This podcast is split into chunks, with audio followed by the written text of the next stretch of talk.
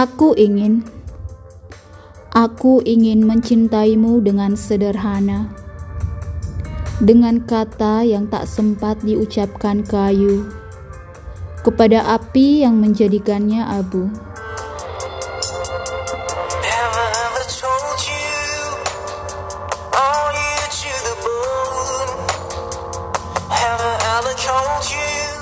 Aku ingin mencintaimu dengan sederhana dengan isyarat yang tak sempat disampaikan awan kepada hujan yang menjadikannya tiada. Karya Sapardi Djoko Damono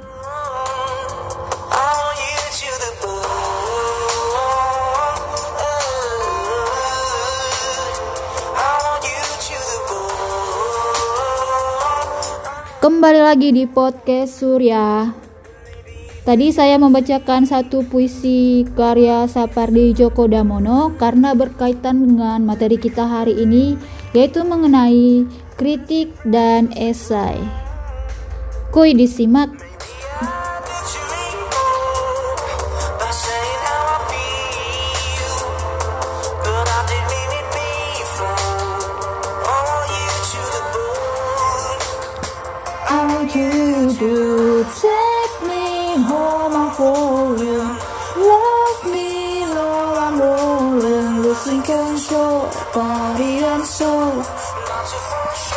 Kritik dan esai adalah suatu ulasan atau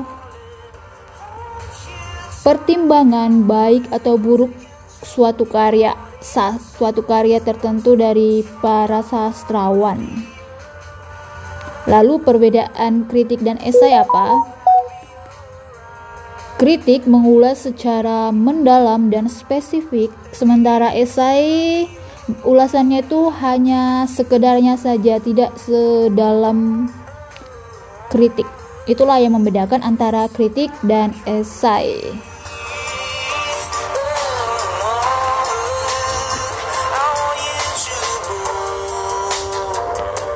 Lalu bagaimana struktur atau sistematika dari kritik atau esai? Yang pertama ada tesis, yang kedua ada argumen, dan yang ketiga ada penegasan ulang.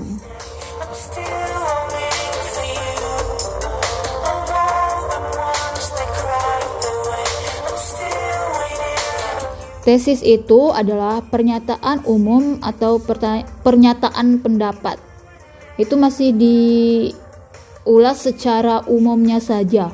Nah, kalau argumen itu sudah lebih mendetail secara lebih spesifik, di sana akan dijelaskan dijelaskan kembali dalam bentuk kalimat untuk memperkuat tesis yang telah dibuat di awal teks. Dan yang terakhir penegasan ulang. Itu bisa nama lainnya kita biasa sebutkan itu kesimpulan jadi tesis biasanya ya terdiri dari satu paragraf argumen biasanya terdiri dari tiga paragraf bisa lebih sih tergantung penulisnya dan penegasan ulang biasanya terdiri dari satu paragraf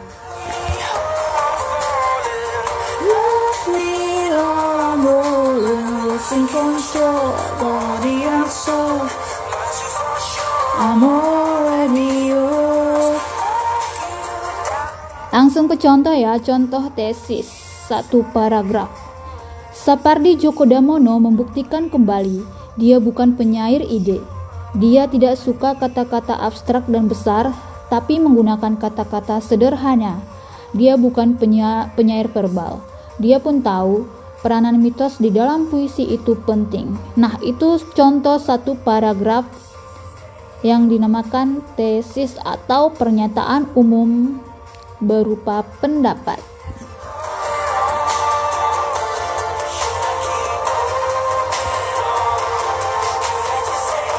Kemudian dilanjutkan ke paragraf berikutnya.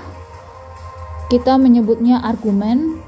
Itu lebih mendetail, lebih spesifik terdiri dari tadi beberapa paragraf ya minimal tiga paragraf Namun di sini saya buat dua contoh kalimat saja untuk mendukung tesis tadi. Kalau saya buat contoh tiga paragraf nanti kelamaan. Begini contoh argumennya untuk mendukung untuk mendukung tesis yang tadi saya buat dalam bentuk contoh. Contoh argumennya adalah Kata-kata sederhana dipakai untuk menyampaikan gambaran puitiknya. Ungkapan sederhana dalam puisi identik dengan penyairnya yang juga sederhana. Nah, itu secara spesifiknya lagi.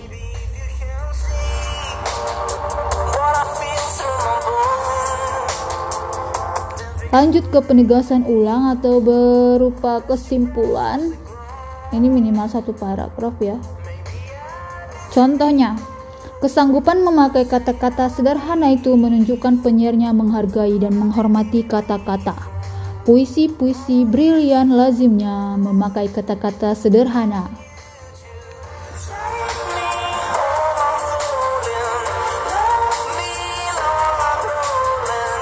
Sapardi Djoko Damono merupakan penyair yang memiliki gaya penulisan sederhana namun puitis.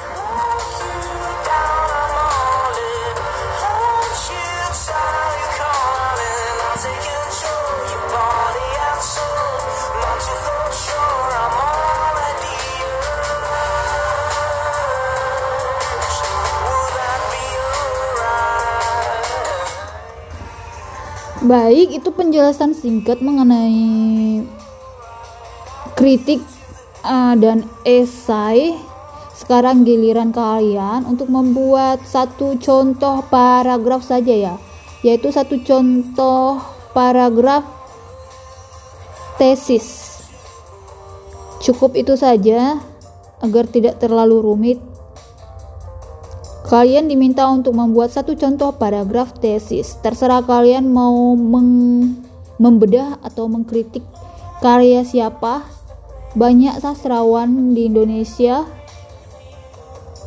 Entah karya siapa boleh kalian kritik ya. Ingat, satu paragraf minimal terdiri dari lima kalimat. Satu kalimat utama dan minimal empat kalimat penjelas. Boleh lebih, tapi tidak boleh kurang.